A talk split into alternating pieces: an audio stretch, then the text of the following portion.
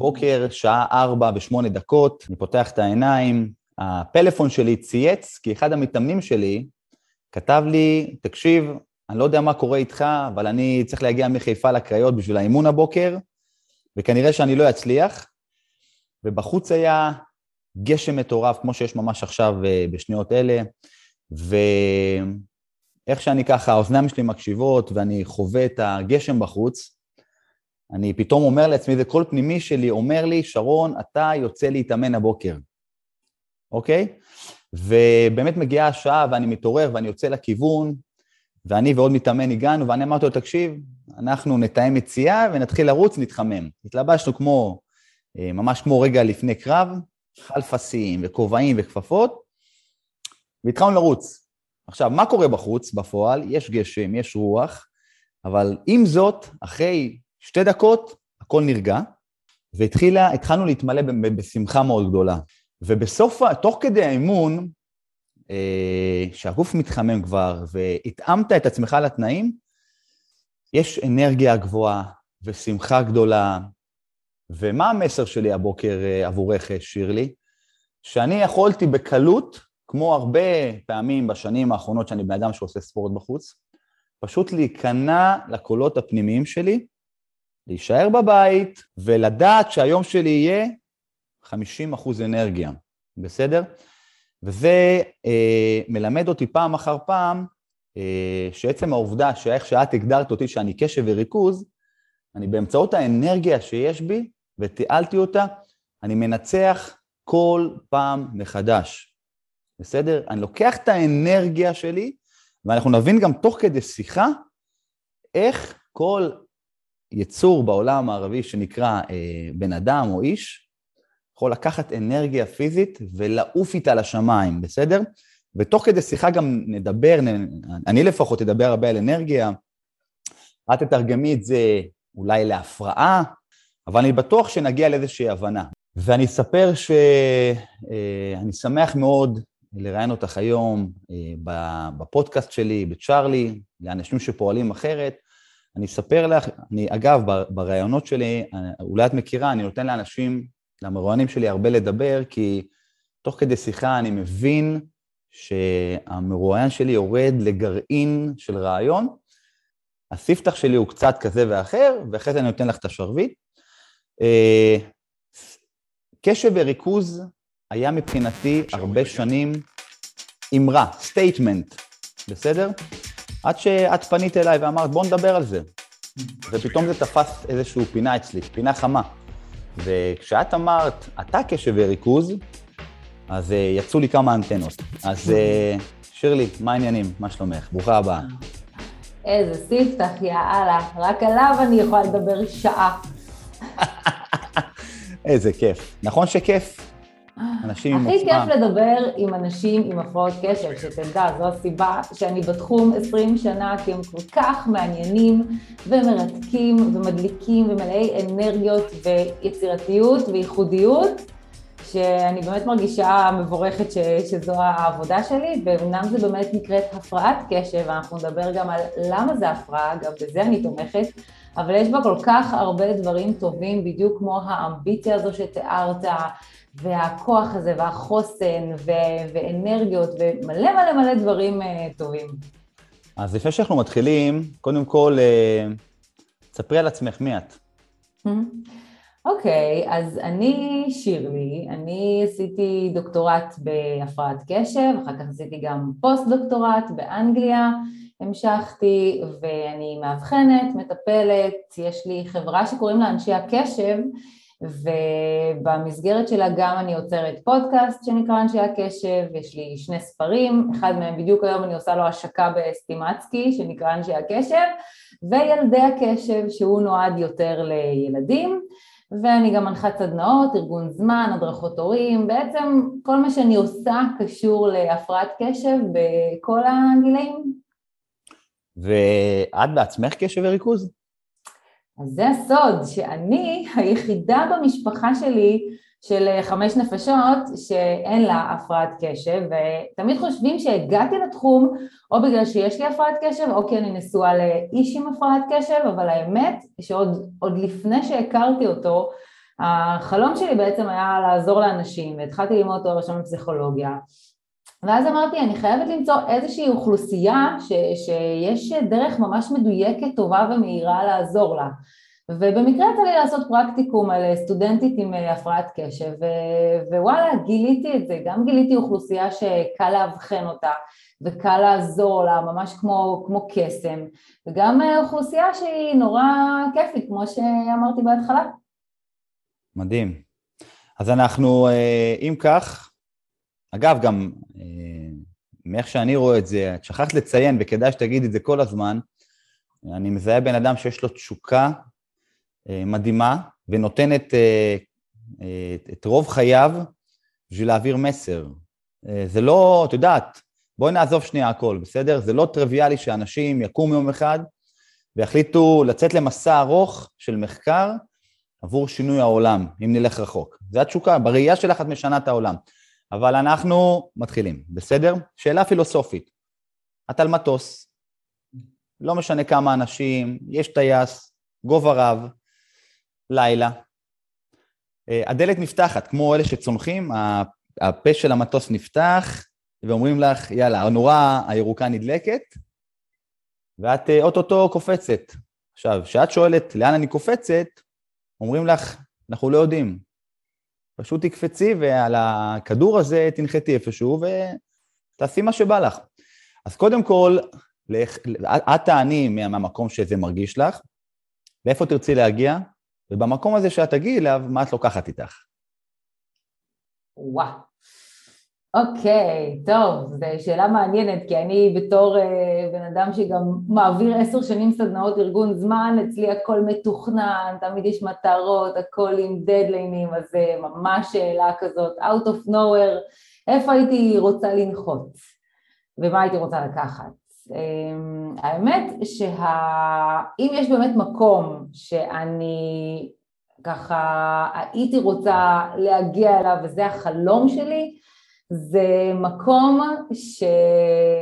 איך נקרא לזה? שיש בו מודעות נכונה ומתאימה להפרעת קשב. נגיד זה יכול להיות הכנסת, זה יכול להיות משרד החינוך, אה, איזשהו גורם כזה ענק שבאמת אה, יש לו השפעה והשלכות אה, רחבות על התחום הזה, כי בעבודה שלי אני, אני רואה כל הזמן ילדים ואנשים עם הפרעות קשב שהם מפוספסים, שלא מבינים אותם, שלא יודעים איך להתייחס אליהם, הרבה פעמים כל מיני כינויים כאלו כמו עצלן או לא מתאמץ או לא רוצה או בעייתי או חוצפן או אגרסיבי או חולמת או עפיפון, בקיצור המון המון המון תיוגים לא קשורים בעליל, לא, לא יודעים איך להתייחס לילדים האלה וגם למבוגרים אגב, ו, וזה הדבר שהכי קשה לי בעבודה, ל, לראות את זה, את ה...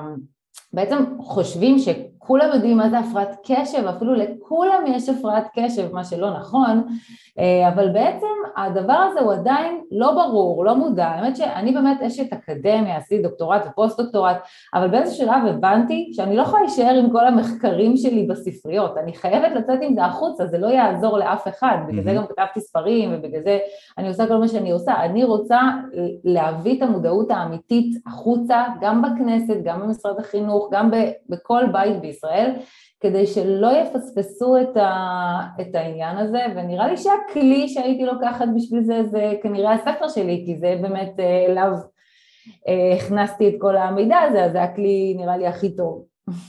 מדהים. אז uh, לענייננו, uh, לעניין שלשמו התכנסנו, מה, ספרי, מה, מה זה בעיית קשב וריכוז? בואי תחדדי לאנשים, פעם אחת וגמרנו, מה זה בעיית קשב? יאללה, אני אחדד את זה. או הפרעת קשב, וואטאבר. כן, כן. אני אחדד את זה באמת בצורה קצרה ומדויקת, בעצם אני אגיד את הדברים אה, הכי חשובים בנושא.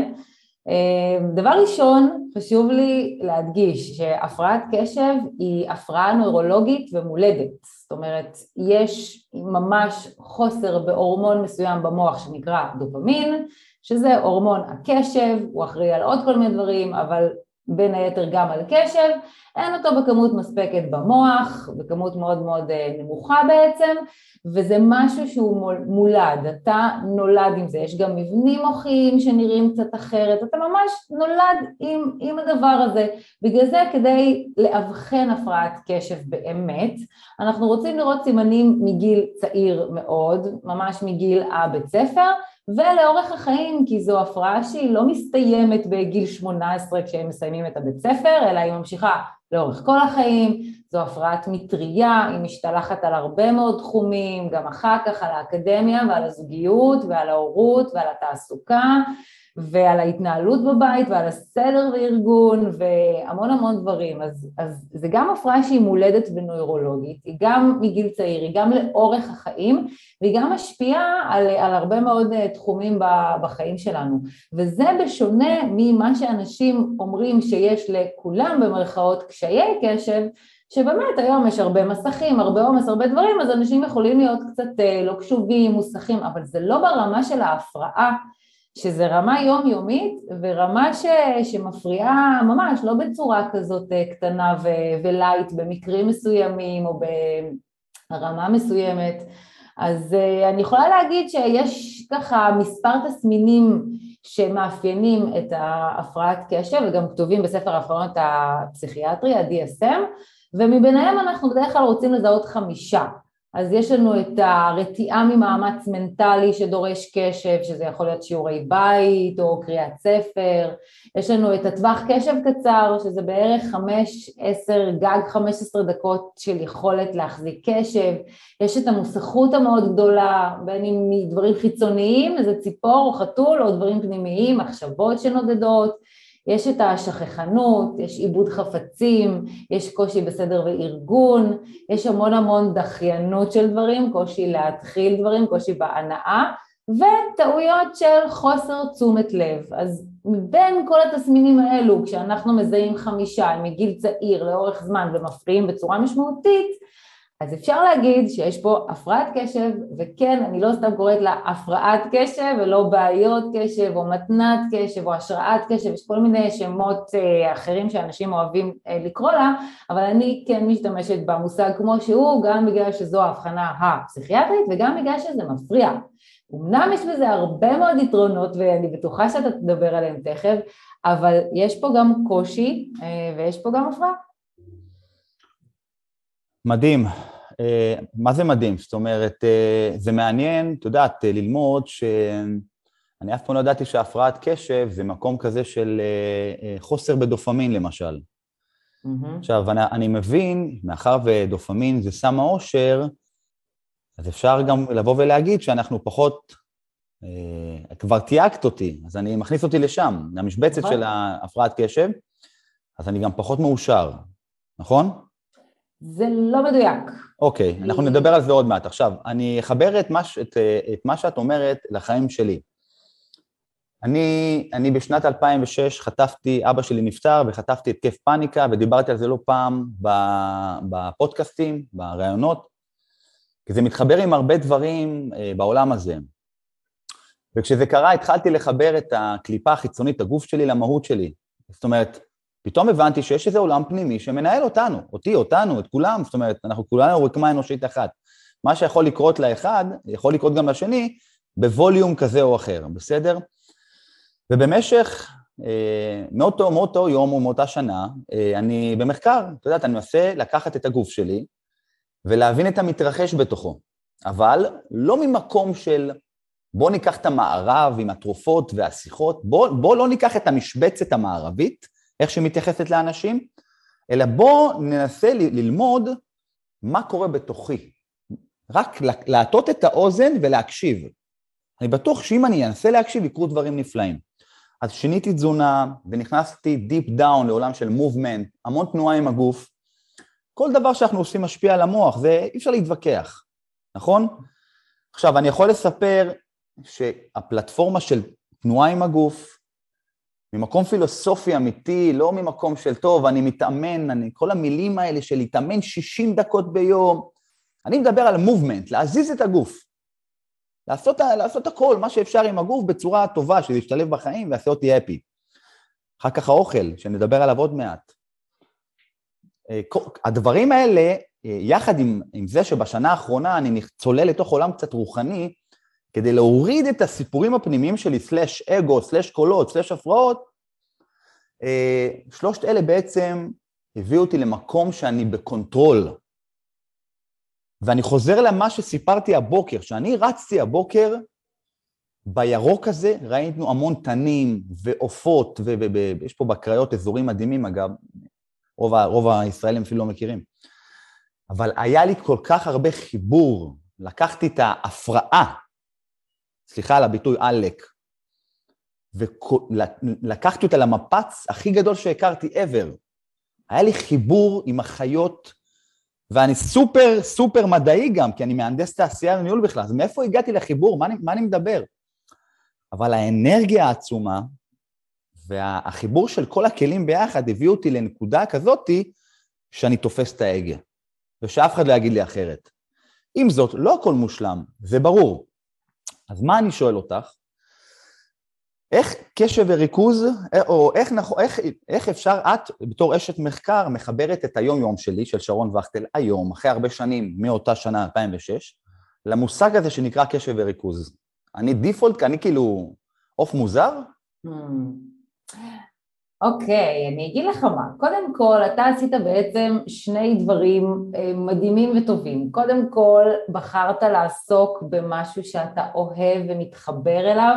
לא בחרתי. זה קרה לי, אגב. לא בחרתי. כן. אני מאמין שכל מה שקורה לבן אדם זה קורה לו. זה לא היה על המדף, זה פשוט קרה לי.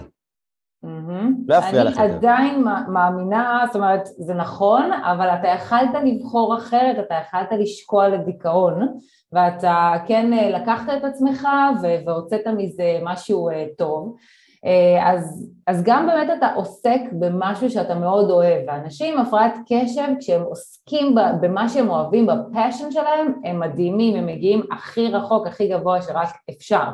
ודבר שני שאתה עושה מצוין, שאתה באמת משלב ספורט בחיים שלך, וספורט נמצא גם מחקרית וגם קלינית, אני כשאני מטפלת באנשים, מכריחה אותם לעשות ספורט כמו פנאטית, אמ, כי זה נמצא במקום השני כגורם טיפול אחרי טיפול תרופתי. זאת אומרת, הטיפול התרופתי נמצא כהכי יעיל, אחריו בסדר זה הספורט, כי ספורט הכי פשוט בעולם מפריש דופמין.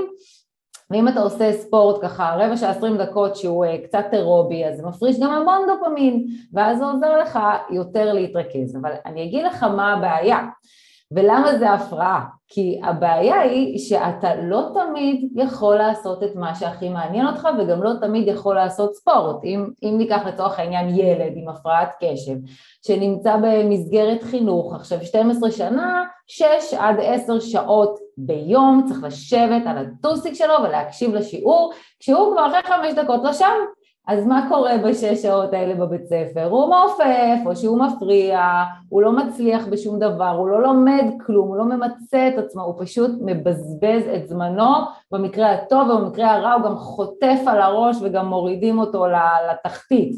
ואז הילד הזה גדל, מגיע לגיל 18-20 שיופי, מצוין, עכשיו הוא באמת יכול לבחור מה הוא רוצה לעשות, אבל הוא כבר כל כך אכול מכות שלא תמיד יש לו את הערך העצמי או את הביטחון העצמי כבר לעשות משהו. אז אה, זאת הבעיה שלא תמיד הסביבה שלנו מאפשרת לנו להיות במקומות האלו ואנחנו צריכים להתאים את עצמנו גם לסביבה שאנחנו חיים. אגב, אה, ביחס למה שאת... את יודעת מה? אני לא, אני לא אקדים, אני לא אקדים, כי יש, יש סעיף שלם שאנחנו צריכים לדבר עליו, עולם של ילדים. Hmm. אבל אני אתעכב עוד טיפה על נושא של, אה, על, על הנושא ככלל, hmm. ואני אשאל אותך, אה, קשה לי גם מאוד לבוא ולהשתמש במונחים האלה הפרעה. למרות שהשאלה הבאה זה, איך קשב וריכוז משפיע על הפרעות נפש? ואני, לפני שאת עונה, אוקיי, אני מכניס את העולם המחקרי שלך ואני מכניס פה, נקרא לזה 50 גוונים של אפור, בסדר? אני, אני, אני בכלל מאמין שאנשים הם אה, אנשים שלמים, וכל הנושא הזה של הפרעות, ואני חושב שאני מפריע כשמישהו אחר לא מבין אותי, אז אני מפריע לו. אני מפריע כשאני מפריע, אני מפריע למה, אני חייב, אני, אני, בפני, אני בפני עצמי לא יכול להפריע לעצמי. אני מפריע כשאני מפריע למישהו אחר, שיקרא לי כשאני מפריע. אז גם פה אני יכולה... אבל את יודעת, לה... כל העולם הזה של, של, סליחה שאני מתייג, שלך ושל הרבה אנשי מחקר, אנחנו בעולם המערבי פועלים לפי תבניות. קל לנו לתייג. אני לא חושב שיש בן אדם שהוא לא מפריע. בריח, במראה, ברעשים שהוא עושה כשהוא אוכל. כולנו מפריעים. הבעיה מתחילה כשאנחנו אומרים לילד, אתה מפריע. פעם, פעמיים, שלוש. לפני שמתקדמים לילדים, אני אשמח לשמוע אילו מחלות נפש, ואם בכלל, אה, בעיה של קשב וריכוז גוררת אחריה. Mm-hmm. אוקיי, okay. אז אני אענה על השאלה החשובה שלך, והיא גם מתקשרת בדיוק בדיוק למה שאמרת עכשיו, האם אני יכול להפריע לעצמי. אז קודם כל אני רק אציין, זה חשוב שאני לא באה רק מהעולם של המחקר, אלא גם ואפילו בעיקר מהעולם של הטיפול. אני כבר עשרים שנה מטפלת וזה חשוב, כי, כי אני בעצם ראיתי גם תהליכים שאנשים עוברים, אמ, ומה שאני ראיתי, הבעיה הכי מרכזית בהפרעת קשב, זה ההפרעה לעצמך. מה זה אומר? שכשיש הפרעת קשב, יש בעצם קושי להוציא לפועל דברים. יש המון המון יכולות, כישורים, אינטליגנציה גבוהה, הכל פה באונה האחורית של המוח, אבל הבעיה היא פה באונה הקדמית, ששם היא לא פועלת כמו שצריך, יש שם גם מבנים מוחיים שהם אחרים, גם פחות דופמין, וזאת האונה שאחראית על סדר, ארגון, תכנון, הוצאה לפועל, הנאה, מוטיבציה, כל הדברים האלו הם לקויים בהפרעת קשב. זה אומר שמאוד קשה להוציא את הדברים החוצה. אתה יכול להיות נורא נורא חכם, אבל יהיו לך רק ציונים 80 בבית ספר או 70, כי אתה לא מצליח להוציא את הידיעות שלך החוצה, אתה לא מצליח לשבת וללמוד. וזאת ההפרעה לעצמי, שאתה רוצה לעשות דברים, אני לא אדבר רק על ילדים, אלא גם על מבוגרים, דווקא העולם שלי הוא יותר של אה, מבוגרים, כי שם בכלל אין מודעות, אז זה עוד יותר חשוב, יש לי גם הרצאת TED שלמה רק על מבוגרים. אה, מבוגרים הם הרבה פעמים אה, נתקעים, כשהם מגיעים אליי, ככה הם מתארים את זה, אני מרגיש תקוע, אני יש לי כל כך הרבה רעיונות ודברים, אני לא עושה כלום, בסוף זה לא יוצא, אני תקוע, אני רציתי להיות פה, אני לא עשיתי את זה. ואז מה גורם הפער הזה בין היכולות לבין מה שאני עושה? זה בדיוק מה שגורם לתסכול, אשמה, הלקאה עצמית, ערך עצמי נמוך, דיכאון וחרדה, ולא סתם נמצא, וזה באמת בהקשר לשאלה שלך, שבין 50 ל-70 אחוז מהאנשים עם הפרעות קשב סובלים מחרדה ואו דיכאון, שזה אחוזים מטורפים. אז אמנם זה גם גנטי, כי דופמין באמת, כמו שאמרת נכון, הוא, הוא גורם, הוא גם אחראי על המצב רוח ועל תחושת העושר, אבל זה לא רק העניין הגנטי, זה גם העניין שהקשיים שהם חווים והאתגרים להוציא לפועל את מי שהם, לממש את הפוטנציאל, לא סתם המשפט הזה של אתה לא מממש את הפוטנציאל, כי זה בדיוק זה, הקושי להוציא החוצה את מי שאתה באמת, אז הדבר הזה הוא תוקע, הוא עוצר, וזה מפריע לעצמך ולא רק לסביבה, וזה הדבר שהכי קשה לי איתו, לראות אנשים, ורוב המאובחנים שמגיעים אלינו הם בני 40 פלוס מינוס, עם תסכול מאוד עמוק, למה לא אמרו לי ולמה לא ידעתי, ולמה לא עזרו לי ולמה חשבתי שאני סתם דפוק, כאילו תחושה של באמת בזבוז. אז אפשר לבוא ולהגיד בעצם שאנשים שיש להם את ההפרעה הזו זה אנשים שהם עם פוטנציאל לא, לא ממומש, שהם מבינים שיש להם איזה משהו לתת, יש להם איזו עוצמה פנימית, שכשהם באים לפרוט את זה לעשייה, הם פשוט מרגישים תקועים, כי הם לא יודעים מאיפה להתחיל, או הם לא יודעים להחזיק את זה יותר מדי זמן. אז אני אגיד לך מה, זה, זה לא שהם לא יודעים, הם לא יכולים. לא יכולים, כוונה. ברוב המקרים. ממש לא יכולים, כי ההורמון ההנאה הזה, הוא לא קיים. אז אני רוצה לספר לך שאת פורצת לדלת פתוחה, כי ממש בשנה האחרונה, אה, יותר או פחות, אני, אני ממש הרגשתי סוג של בן אדם אבוד. מה הכוונה? אני עושה הרבה דברים, יש לי מועדון ריצה וכושר, ואני מלווה אנשים, גם באזור הנפשי, מתוך החוויה שלי. יש לי את העוצמה להתחבר ולתת כלים שהם מאוד עוצמתיים, שהם out of the blue, כי אני, אני, לא, אני לא מגיע מעולם שלא למדתי שום יום, אבל החוויה שלי היא מאוד עוצמתית.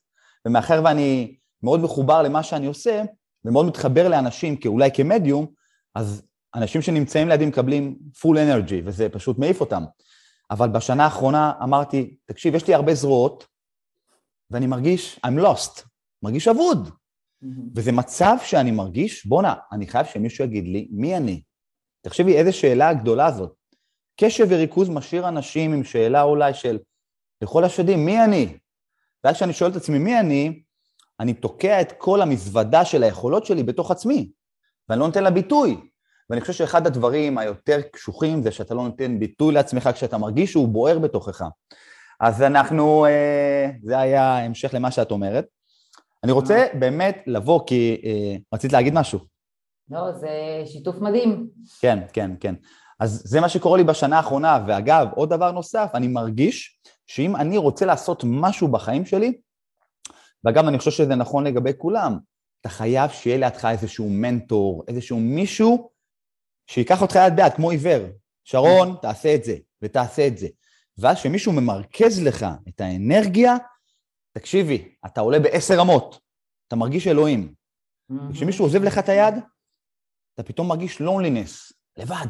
פתאום עוד פעם מבולבל, עוד פעם קטן, עוד פעם אבוד. מה יהיה? דאגות, חרדה? אולי. וסוג של חזרה למה שהיית קודם. אז זה ה statement, שהוא לא נעים, הוא לא פשוט. לא, זה אה, להפך, זה מאוד נעים ומאוד חשוב, כי אנשים, הם תמיד חוששים לקחת עזרה, הם תמיד רוצים לעשות לבד, להצליח לבד, כשלמעשה המחקר מראה, אגב, בדיוק הפוך, כשבדקו מה מאפיין אנשים הכי מצליחנים בעולם, הכי הכי, המקום הראשון זה שהם יודעים להיעזר. זה הדבר שהכי מאפיין אותם, וזה היה מאוד מפתיע, כי רוב האנשים רוצים לעשות לבד ו- ולא להיעזר, אז להפך, דווקא להיעזר, לקחת עזרה, לקחת אנשים, במיוחד עם הפרעת קשב, שאתה צריך שיותר יניעו אותך, אין לך את הדופמין הזה, אתה צריך, צריך שמישהו יעשה לך את ה... סטארטר ידחוף אותך, ינהל אותך, אין לך איזה מנהל שוטר בראש כמו לאנשים בלי הפרעת קשב. אז עוד יותר צריך לקחת את המישהו הזה ולא להתבייש בזה, להפך, זה, זאת בדיוק אחת האסטרטגיות הכי חשובות. עזרה. כן. אה, שירלי, ברשותך אנחנו קופצים לעולם של ילדים טיפה, כי זה מתחיל שם, נכון? בטח. עכשיו, אה, מאחר ואני מגיע מעולם הזה של אה, תזונה, לפי דעתי, כנגד פירמידת המזון, אני בן אדם שאוכל הרבה שומן והרבה חלבון, אה, סליחה שזה מהחי, אבל זה העולם שלי. אה, החלטתי להוריד את הסוכר כי זה עשה לי לא טוב לה, להפרעה, זה הפריע לי ממש. ומאחר ואני זז המון, ומאחר ואני חוקר דרך העולם שלי, אז גם כן התחלתי, מדברים הרבה על ילדים. אני מסתכל על הבנות שלי ואני אומר, אני לא מונע מהן לאכול אה, מזון מעובד, כי אני רוצה שהן... אני מונע מהן, אני מדבר איתן על זה, וזו העזרה הגדולה ביותר. עכשיו, אני נתקל בסביבה שאני חי בה, הורים שמגדלים ילדים, ודיברנו על זה בשיחה הראשונית שלנו, ודיברנו על נושא של להאכיל, להאכ... לה... לא להאכיל, אלא להאכיל. ו-on the one hand, אתה לוקח ילד שבטבע שלו אמור לטפס על עצים, אמור לזחול, אמור לשחק עם חיות, ואתה תוקע אותו על כיסא איקס שעות, וכשהוא מנסה אה, להשתולל כמו מת דוג, ישר מתייגים אותו. קשב וריכוז, קשב וריכוז, אוקיי? עכשיו, בואו בוא נדבר על זה. ילד לא יכול לשבת, הוא לא צריך לשבת, בתור ילד. עזבי שאחר כך זה תוקע, תופס אותך כשאתה מבוגר. שאתה צריך לשבת, לעשות תואר, למרות שאני, גם על זה יש לי מה להגיד. אבל בבית הוא נחשף למשקאות מתוקים, אה, מפצים ילדים, מפצים כמסכנים, הם במסכים והם מסכנים, וההורים עובדים קשה. זה בסדר שכולם עובדים קשה, אבל הילד לא צריך לסבול. אז כשאתה מתדלק ילד בדלק סילוני ומושיב אותה על כיסא וחוזר חלילה, והמטאבוליזם שלו נדפק, והוא מתחיל להשתולל, אז, אז קודם כל, למה להאשים אותו, ולמה לא להבין אותו, ואם אתם, אם ככה, אז תן לו לעשות מה שהוא רוצה. או, אחד, הורים, תעשו ספורט ותראו לילד מה זה ספורט, והורים, תורידו שתייה מתוקה מהשולחן, ואם כל זה לא עוזר, אנחנו ניגש לטיפול הקונבנציונלי, נאמר. עכשיו, אה, אז, אז אני שואל, אה, למה ילד צריך או אמור לשבת בעולם של מזון מעובד? את מסכימה איתי, נכון? אי אפשר שלא. מה זה מסכימה? הדוקטורט שלי הוא על הפרעת קשב ותזונה, זה, זה הנושא שלו. מעולה. אז uh, אני חמש שנים רק התעסקתי בזה גם בכל העולם, גם המחקר שלי זכה מקום ראשון בעולם בשנת 2019, תזונה והפרעת קשב זה ה baby שלי. שירלי, את אשת אשכולות. איפה, איפה כל התעודות מאחורה שם? בז... ב... ב... היית צריכה לשתול אותם בתמונה של, ה... של החדר הזה. אה, אני לא מאמינה בתעודות, אלא באמת בהעברת המידע נכון, לעם. נכון. זה כל כך חשוב, כי באמת אה, מה שאתה אומר זה נכון. קודם כל, הגורם מספר אחת למוות ותחלואה בעולם זה תזונה לקויה. זה גורם מספר אחת, זה יותר מעישון, ויותר מלחץ דם, ויותר מכל הגורמים האחרים, זה תזונה. וזאת אומרת, זה ממש המגפה שהכי מאיימת עלינו, הרבה יותר מהקורונה והרבה יותר מכל דבר אחר, מסכים, תזונה זה באמת נאמבר וואן, ואין ספק שהמצב הוא על הפנים בארץ ובמדינה אה, בעניין הזה, אה, אבל אה, נקווה שזה ישתנה. עכשיו חשוב לי לציין רק שלא יתבלבלו, תזונה לא גורמת להפרעת קשב, כן? כי כמו שאמרתי מקודם זה מולד, והיא גם לא יכולה לטפל בהפרעת קשב. זה לא שאם נגיד נעשה אה, דיאטה אחרת, נוריד חיטה, נוריד סוכר, מה שלא נוריד, אין מה לעשות, ההפרעת קשב תישאר שם כי אין דופמין. אז זה חשוב לציין, אבל כן, אה, עוד דבר חשוב זה שכשיש לך הפרעת קשב, וזה מה שמצאתי בדוקטורט שלי, אז יש נטייה יותר לאכול מאכלים לא בריאים, כמו אה, חטיפים וממתקים, ופחות לאכול דברים בריאים כמו ירקות ופירות, והאכילה היא גם הרבה יותר אימפולסיבית אמ, ו- ולא מסודרת, ויש גם פי שתיים סיכון להשמנה ופי ארבע סיכון להפרעות אכילה. אז בוא נגיד כשאתה בתוך, כשיש לך הפרעת קשב אתה כבר בסיכון הרבה יותר גדול לאכילה לא טובה ולהפרעות בעניין הזה. אמ, אז ממש נכון מה שאתה אומר, כי מי שאחראי על התזונה של הילדים זה ההורים, וכאן ההורים יכולים לקחת שליטה ולעזור לילדים שלהם, אם נגיד גם ילדים רגילים, אבל במיוחד אם הם ילדים עם הפרעת קשב, לעזור להם לאכול יותר בריא, נגיד לפני שבוע היו אצלי בהדרכה הורים והם סיפרו לי, אנחנו לא מאמינים, השארנו את העוגת ביסקוויטים במקרר, הלכנו לעבודה, חזרנו, הילדה חיסלה את כל העוגה. נו ברור, גם אני הייתי מחסלת את כל העוגה, אם הייתי פותחת המקרר, רואה שם עוגת ביסקוויטים מפוארת, וזהו, מה אני אוכל, והיא עוד ילדה מתבגרת. אז כאן העניין, וזה גם מה שמצאתי בדוקטורט שלי, שזה לא עניין של מודעות, כולם יודעים שלא בריא לאכול עוגת ביסקוויטים שלמה, וכולם יודעים שסלט זה בריא. העניין פה הוא לא בלדעת ואין מה לחפור לילדים על זה ואין מה להרצות על זה בבתי ספר, העניין הוא להנגיש את האוכל הבריא, לשים אותו, ולשים במקרר, במדף האמצעי, מלפפונים קטנים, עגבניות שרי, אה, פלטת פירות, להנגיש את האוכל הבריא לילדים אם אתם רוצים שהם יאכלו בריא, אתם לא יכולים להאשים אותם, אתם שולטים בזה.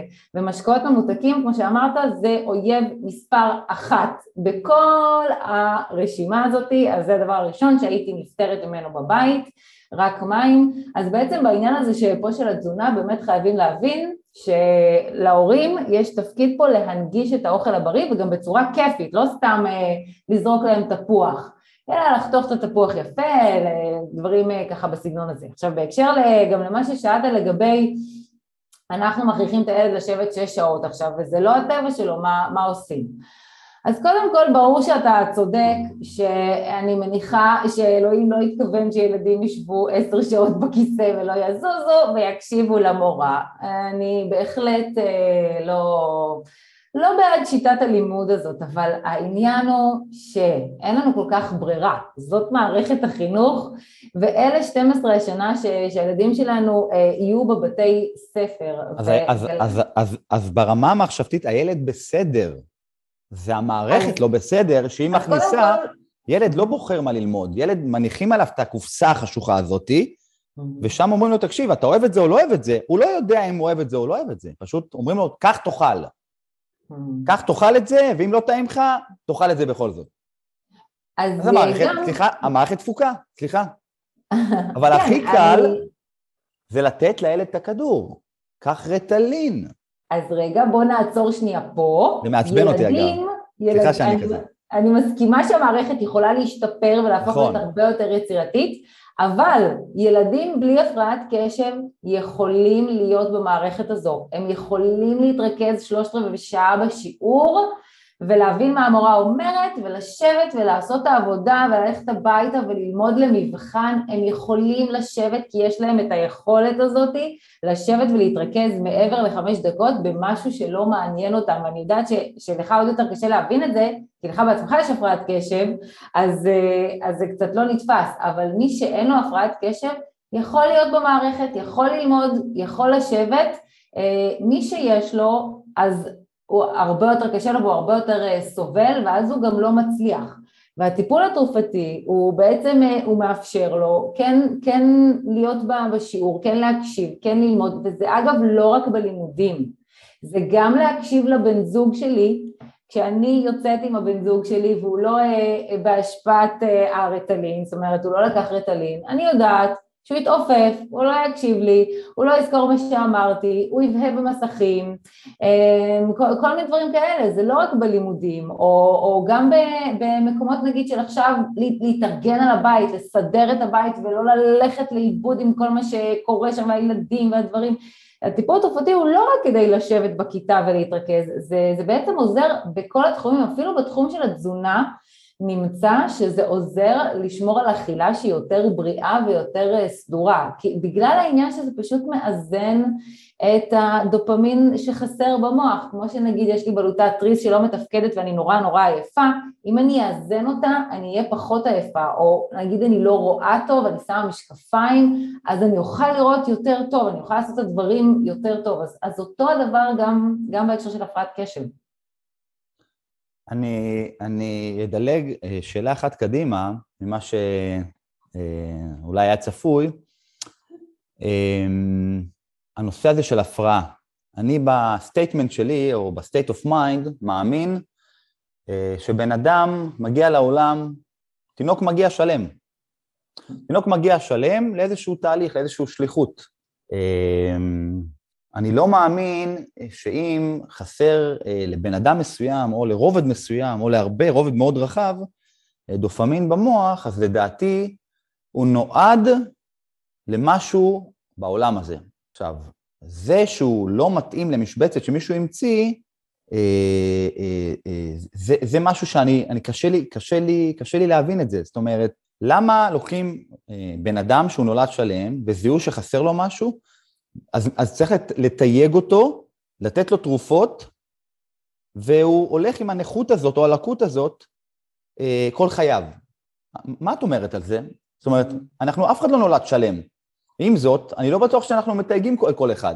אני יכול להגיד לך שהבת שלי, יש לי בת אחת שהיא הגדולה, היא מאוד אה, חכמה, והיא מאוד שקטה, והיא מאוד רגועה, והיא יכולה להגיד, אני הולכת לבית ספר ואני משתעממת שם אז אני לא מקשיבה. עם זאת, הילדה האמצעית שלי, מאוד קשב וריכוז, וקשה לה להתרכז, והיא רוצה ללמוד, אבל קשה לה, אבל זה בסדר, אנחנו, יכולה להכיל את זה. אז הבת הגדולה שלי לא בסדר, הבת האמצעית שלי לא בסדר. למה אנחנו חושבים שמי שיש לו חוסר דופמין הוא אה, אה, אה, מופרע או לא טוב? אני, אני, סתם, אני מאמין שכל אחד הגיע שלם. מה דעתך על הדבר הזה? אני חושבת קודם כל שזה מקסים, ובגדול אני מאוד מאוד בגישה של, בגישה אופטימית וחיובית ואוהבת אדם אה, כמו שהוא, וכמו שאמרתי בהתחלה, אנשי וילדי הקשב הם מדהימים, הם באמת, יש בהם כל כך הרבה דברים טובים, מדליקים, מיוחדים. העניין הוא מה עושים כשזה מפריע להם, כמו שהבת האמצעית למשל שלך אומרת, אני רוצה ללמוד, אני רוצה, אבל אני לא יכולה, אז היא מכילה את זה. אבל השאלה היא, למה היא צריכה להכיל את זה? למה לא לעזור לה? כמו למשל, נגיד, ילד אה, שעכשיו יש לו בעיה ברגל, מה? לא היית נותן לו כיסא גלגלים או קביים, היית אומר לו, בוא, תכיל את זה, תתמודד. לא, יש קושי, יש משהו שיכול לעזור, אז, אז בואו ניתן את, ה, את הדבר הזה שיכול לעזור.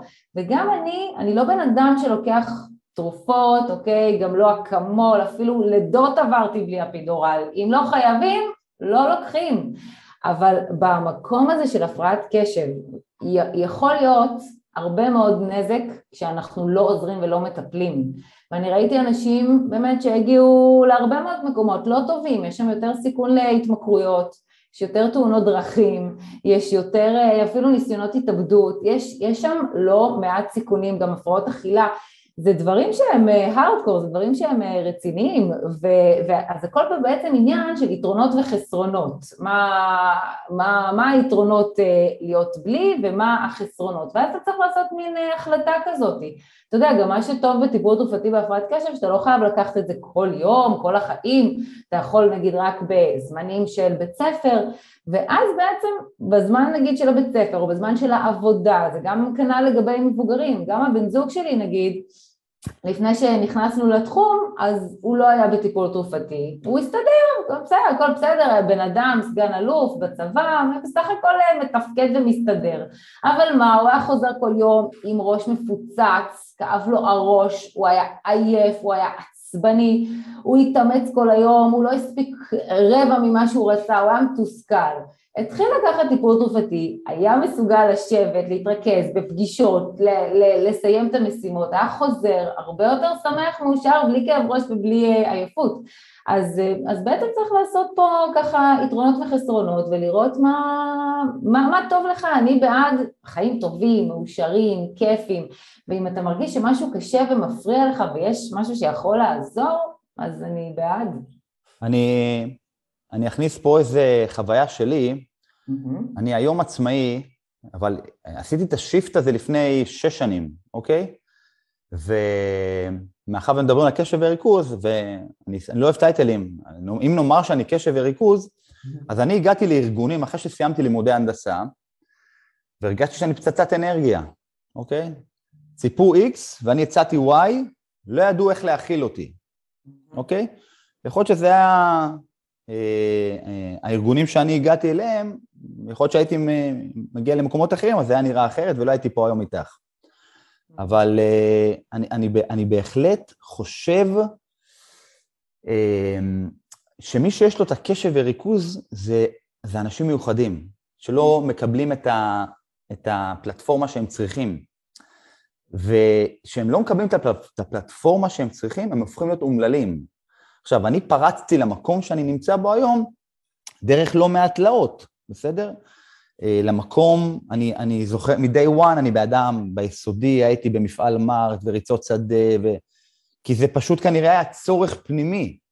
לא ראיתי ספורט בבית אף פעם, לא ראיתי תזונה בריאה בבית אף פעם, ביחס למה שהיה, אני עוד מתקופת המרגרינה, אם את זוכרת, אני לא יודע, בת כמה, בת כמה את, שירלי? כן, 42. אז כן, גם את מתקופת המרגרינה שהיה בבית, אבל לא הייתה מודעות. אבל עם זאת, כנראה שאני זכיתי במרכאות לקיים את עצמי.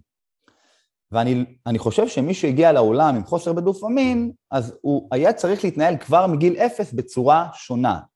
יכול להיות שבקליפה שהוא היה חי בתוכה הוא לא הצליח, אותו ילד או משהו כזה, או שבגיל מאוד מוקדם, בום, סגרו עליו. אז מתוך החוויה שלי אני חושב שבן אדם שהוא, יש לו את הדבר הזה, הוא צריך להיות מאובחן ולעבור איזשהו תהליך אחר בחייו, לקחת סטפ uh, אסייד, uh, לך הצידה, ואתה מתויג, עכשיו אתה מטופל אחרת. אתה לא יכול להיות בתוכנו, להיות מאוד תזזיתי ולהרגיע אותך כי אתה, בוא, בוא, בוא נגיד שאתה חייב להיות כאן ותהיה כאן למרות שאתה קצת תזזיתי. Mm-hmm. אז אני אעבור לשאלה הבאה, אבל מתוך החוויה שלי אני חושב שצריך לאבחן את זה מגיל צעיר, ולתת מקום ספורטיבי, תזונתי לאנשים האלה, לא כדורים. לא כדורים. אתה לא יכול לצפות שכולם ייכנסו לאותה תבנית. כי אם יש ילד על כיסא גלגלים, אוקיי? אז לא נותנים לו לעלות לקומה למעלה, אומרים לו, עכשיו אתה תעלה למעלה. יעשו לו כיתה למטה, נכון? אנחנו לא מספיק מפותחים כדי לייצר כיתות לאנשים שהם קשב וריכוז. להכווין אותם לתזונה, להכווין אותם לספורט, להכווין אותם למצוינות. אולי הם המנהיגים הבאים, אולי הם, הם השליחים הבאים של האנושות הזאת, ואנחנו מפספסים את זה. את עצמך אמרת שכל הספורטאים הגדולים הם קשב וריכוז, נכון? 30 אחוז מהספורטאים המצליחים, המצטיינים, הם הפרעת קשב, אז, כן. אז זה פשוט, זה פשוט שם. הם פשוט, אנחנו, הם, הם המצטיינים של, ה, של, ה, של כדור הארץ הזה, של ה, אולי הם mm-hmm. אלה שאצבע אלוהים נגע בהם. אז למה אנחנו מפספסים את זה? אז קודם כל אני מסכימה איתך, באמת, אני, כמו שאמרתי, אני חושבת שזו בהחלט גם מתנה, ויש שם דברים שהם גם הוכחו מחקרית אגב, כתכונות חיוביות ייחודיות שלהם, ולא סתם גם אנשי הקשב הם גם לרוב יהיו עצמאים וגם הייטקיסטים וסטארט-אפיסטים, יש להם ראש מאוד יזמי, מאוד יצירתי, ממציא, ובאמת משהו שהם אוהבים, הם נכנסים בו עם כל הכוח והחוסן שלהם ועפים למעלה. אבל מה, מה בעצם הבעיה? שלא, זאת אומרת, אתה, כדי להגיע לשם, אתה, הרי כדי לפתח ערך עצמי וביטחון עצמי, אתה צריך לחוות הצלחות בחייך. אם אתה לא חווה הצלחות, אז לא תפתח את הערך העצמי שלך. אז אם אנחנו מגדלים ילד שלא נחשף מספיק להצלחות, אז אה, בוא נגיד יהיה לו קשה מאוד. עכשיו, כן, אני מסכימה איתך שצריך להתאים סביבה. למשל, אם הילד אה, מחונן, אה, אז אה, לרשום אותו גם למסגרות של מחוננים כדי שהוא ככה יפתח את הראש, או אם הילד ספורטיבי אז לרשום אותו אם יש לי בת אחת כזאת כדורסלנית ואנחנו משקיעים בה והיא בנבחרת והכל משחקים, להשקיע בחוג, לרשום ו- ולשלוח לשם.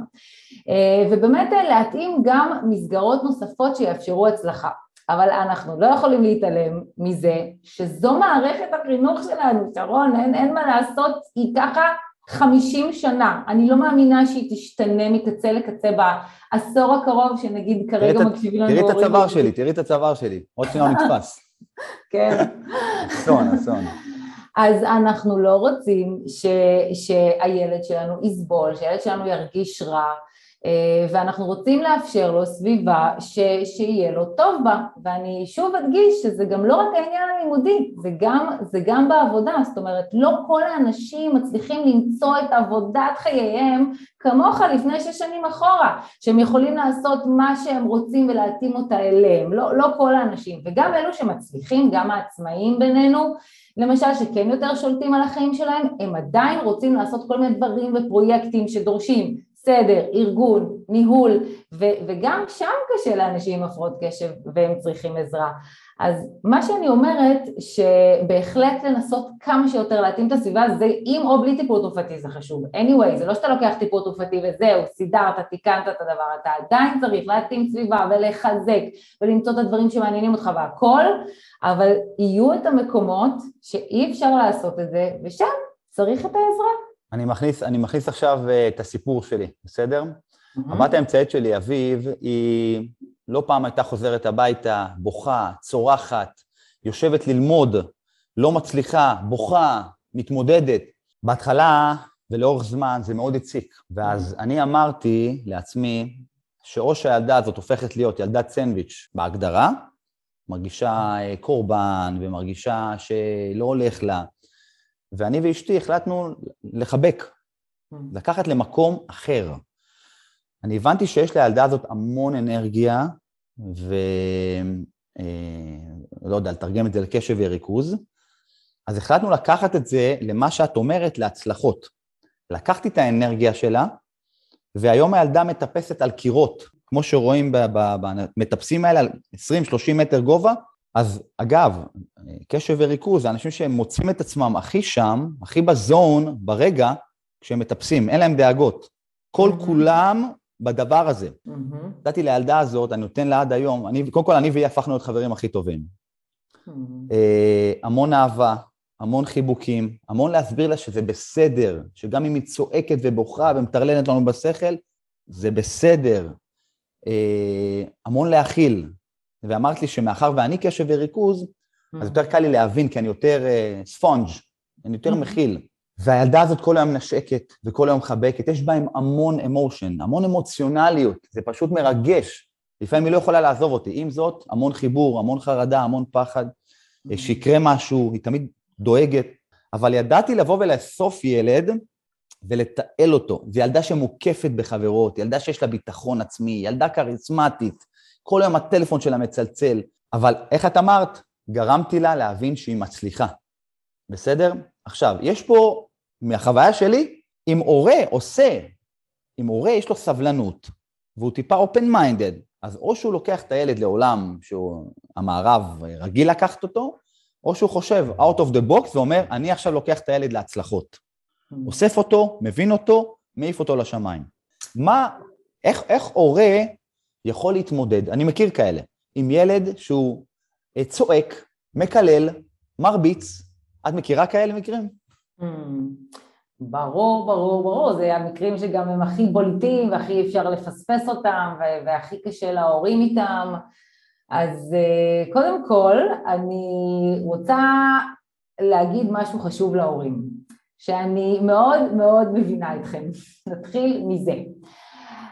א', זה קשה להיות הורים, ובואו נגיד את האמת, להיות הורים לילדים עם הפרעת קשב זה עוד יותר קשה, כי יש שם בעיות ויסות, ו- וזה יוצא עליכם, ו- וזה קשה, וזה יכול להיות מתסכל, ואפילו אני, שאני מומחית בתחום, ויש לי כבר שתי בנות גדולות שאובחנו, חודש שעבר הבחנתי את הקטנטנה שלי, בת השבע, ועוד קיוויתי שאולי לא יהיה לה הפרעת קשב ויהיה לי קצת יותר קל. אני מודה, למרות שאני מומחית בתחום ואני מתה על הפרעת קשב והכול.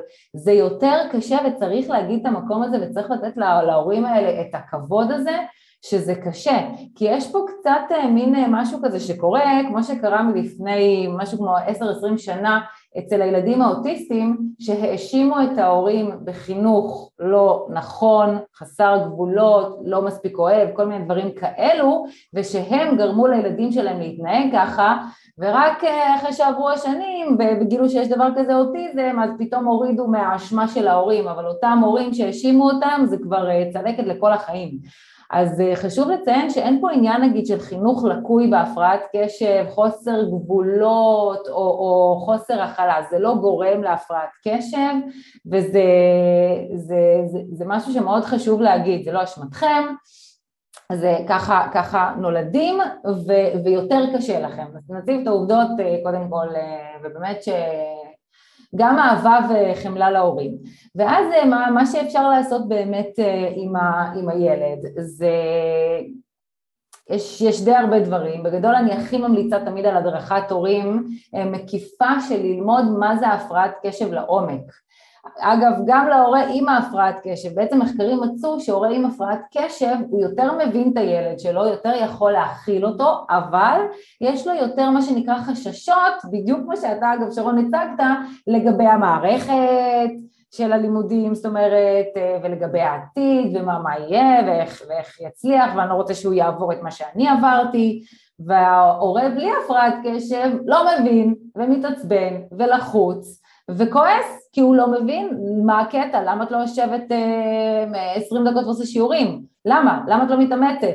מה, את עצלנית? מה, את אה, אגואיסטית? לא מצליח להבין את זה. ולכן כשנותנים הדרכת הורים ומסבירים מה זה ההפרעת קשב הזאת לעומק, זה כבר מרגיע את הבית. אוקיי, אז היא לא יכולה ככה, אוקיי, אז צריך לתת לה ככה. ובאמת העניין של החיזוקים וההכלה זה הכי אה, קריטי, הכי הכי הכי קריטי, זה מה שבונה את הערך העצמי והביטחון העצמי, וזה הכי חשוב יותר מהלימודים ויותר מהציונים ויותר מהכל, שהילד ירגיש מקום של שייכות, שיש לו את הבית ומבינים אותו ומכילים אותו ולא מסתכלים עליו מוזר, מה אתה עושה? ולמה אתה מתנהג ככה, אלא פשוט מבינים, זה 50 אחוז מפתרון הבעיה להבין אה, ולהכיל ולחזק. ואחר כך יש עוד כל מיני אסטרטגיות שבאות על זה, כמו ללמד, אה, איך לעשות נגיד אסטרטגיות התארגנות, כמו באמת אה, ספורט שעוזר, מדיטציה גם עוזרת, יש עוד כל מיני דברים שעוזרים, אבל באמת הבסיס זה, זה קודם כל ממש מה שאתה אמרת. אנחנו נמצאים כבר שנים ארוכות בעולם של כאוס. Uh, אנשים חיים בעולם של תזונה מאוד מקולקלת, אנשים אוכלים המון, יש שפע יותר מתמיד, אנחנו, יצורים, יצורי האדם אוכלים פי שלוש ממה שהם צריכים. התסמונת המטבולית היא אחת המקור ההרג או המוות הגדולים בעולם המערבי. אנשים, מאחר ויש לכולנו ספר מאוד עבה של סיפורים פנימיים, אנחנו גם לא מבינים למה אנחנו מגדלים בטן ולמה אנחנו לא יוצאים לעשות ספורט. אנחנו בעצמנו לא מצליחים להכיל את עצמנו, וכשיש לנו ילד שבוכה וצורח ודופק על השולחן, הלך עליו. הלך עליו. אני רוצה כאן ועכשיו למצוא את השלטר שמכבה אותו. תן לי גם מזרק, תן לי פטיש. למה? כי אני בעצמי שונא את עצמי. אני, איך שאני נראה, איך שאני לא מצליח, איך שאני לא בן זוג, איך שאני עוד שנייה מתגרש, כי העולם מקולקל. אז איך אנחנו מצפים לקחת ילד שצורח לנו בנשמה? גם ככה יש לנו קולות בראש, אנחנו מפוצצים מאלף כיוונים. אני לא רוצה ילד שצורח, אז קמה תעשיית התרופות ואמרה, מה הבעיה? קח כדור. איזה כיף. קח כדור.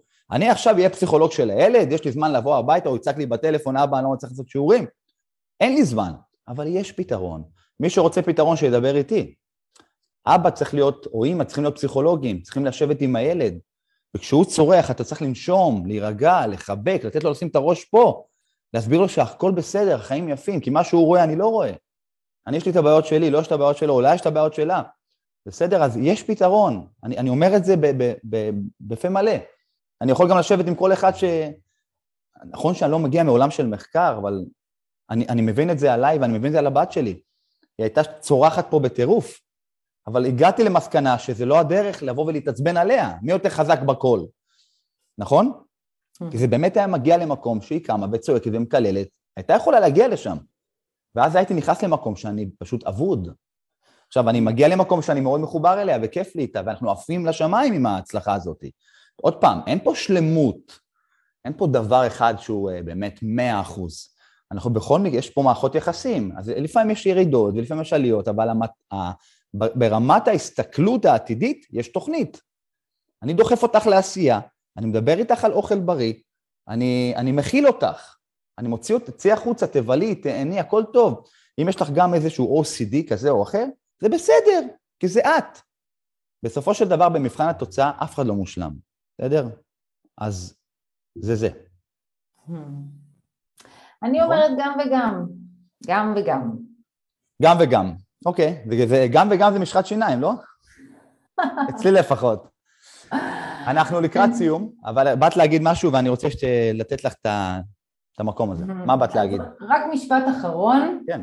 גם כשנותנים טיפול תרופתי, זה, זה, לא, זה לא מספיק. תמיד צריך uh, לעשות גם את העניין של הדרכת הורים, טיפול רגשי התנהגותי, משהו מזה, זה לא שזה, זה לא פותר, uh, זה בנוסף, וזה, ואני, ובאמת גם מחקרים שנעשו בתחום הראו שכשאנחנו משלבים טיפול תרופתי ועוד משהו התנהגותי רגשי, זה יעיל פי 24 ממצב קיים, זאת אומרת אפשר לשפר את התפקוד, את התחושה פי 24 מהמצב הקיים, אז, אה, אז זה, זה ככה הגישה שלי של גם וגם ולעשות כל מה שאנחנו יכולים כדי לעזור גם לילד וגם לעצמנו. ועל כף המאזניים, כשאני נותן תרופה, on the one hand זה אולי נותן לי משהו, אני לא יודע מה זה עושה לי לטווח הקצר או הארוך. אוקיי? כי זה מתערב לי... אז אני יכולה להגיד לך שכן חקרו את זה, כן חקרו את זה כבר 70 שנה. 70 שנה בדקו את, ה, את ההשלכות ספציפית של טיפול תרופתי בהפרעת קשב, וזה כן נמצא התרופה הכי יעילה אה, בתחום של התרופות הפסיכיאטריות וללא השלכות ארוכות טווח. לעומת זאת... מעניין מי חקר, מעניין מי, מי מימן את המחקר. זה לא כמו שחושבים חברות תרופות, כי מי, ש, מי שנמצא בתוך עולם המחקר באמת, כמו, כמו שאני יודע, שכדי לפרסם מחקר, אתה חייב להוכיח שאין לך שום ניגוד אינטרסים פה, ו, והם נכנסים לך לקרביים, תאמין לי, לוקח איזה שנתיים עד שמאשרים פרסום מחקר בגלל, ה, בגלל העניין הזה. אז, אה, אז זה כן משהו שהוא אה, נחקר ונמצא כ, כיעיל וגם כמונע סיכונים וצריך לקחת את זה בחשבון המאזניים שאנחנו עושים יתרונות מול חסרונות. נכון, את צודקת. אותי זה מפחית תרופות. אה, שירלי, אנחנו לקראת סיום ואני סוגר כל ראיון שלי עם איזושהי שאלה כזאת נחמדה. Mm-hmm. אז במקרה שלך, את מגיעה לאיזשהו כנס, בכנס הזה אה, ריכזנו מאות מנהלים אה, של בתי ספר בארץ, אגב, כל הגילאים, ואת זוכה להיות אחרונה, שכולם יזכרו את שירלי, מסר אחד עוצמתי. יש לך עשר דקות, זה הרבה זמן, זה כמו הרצאת TED. על מה את מדברת uh, בעשר דקות האלה?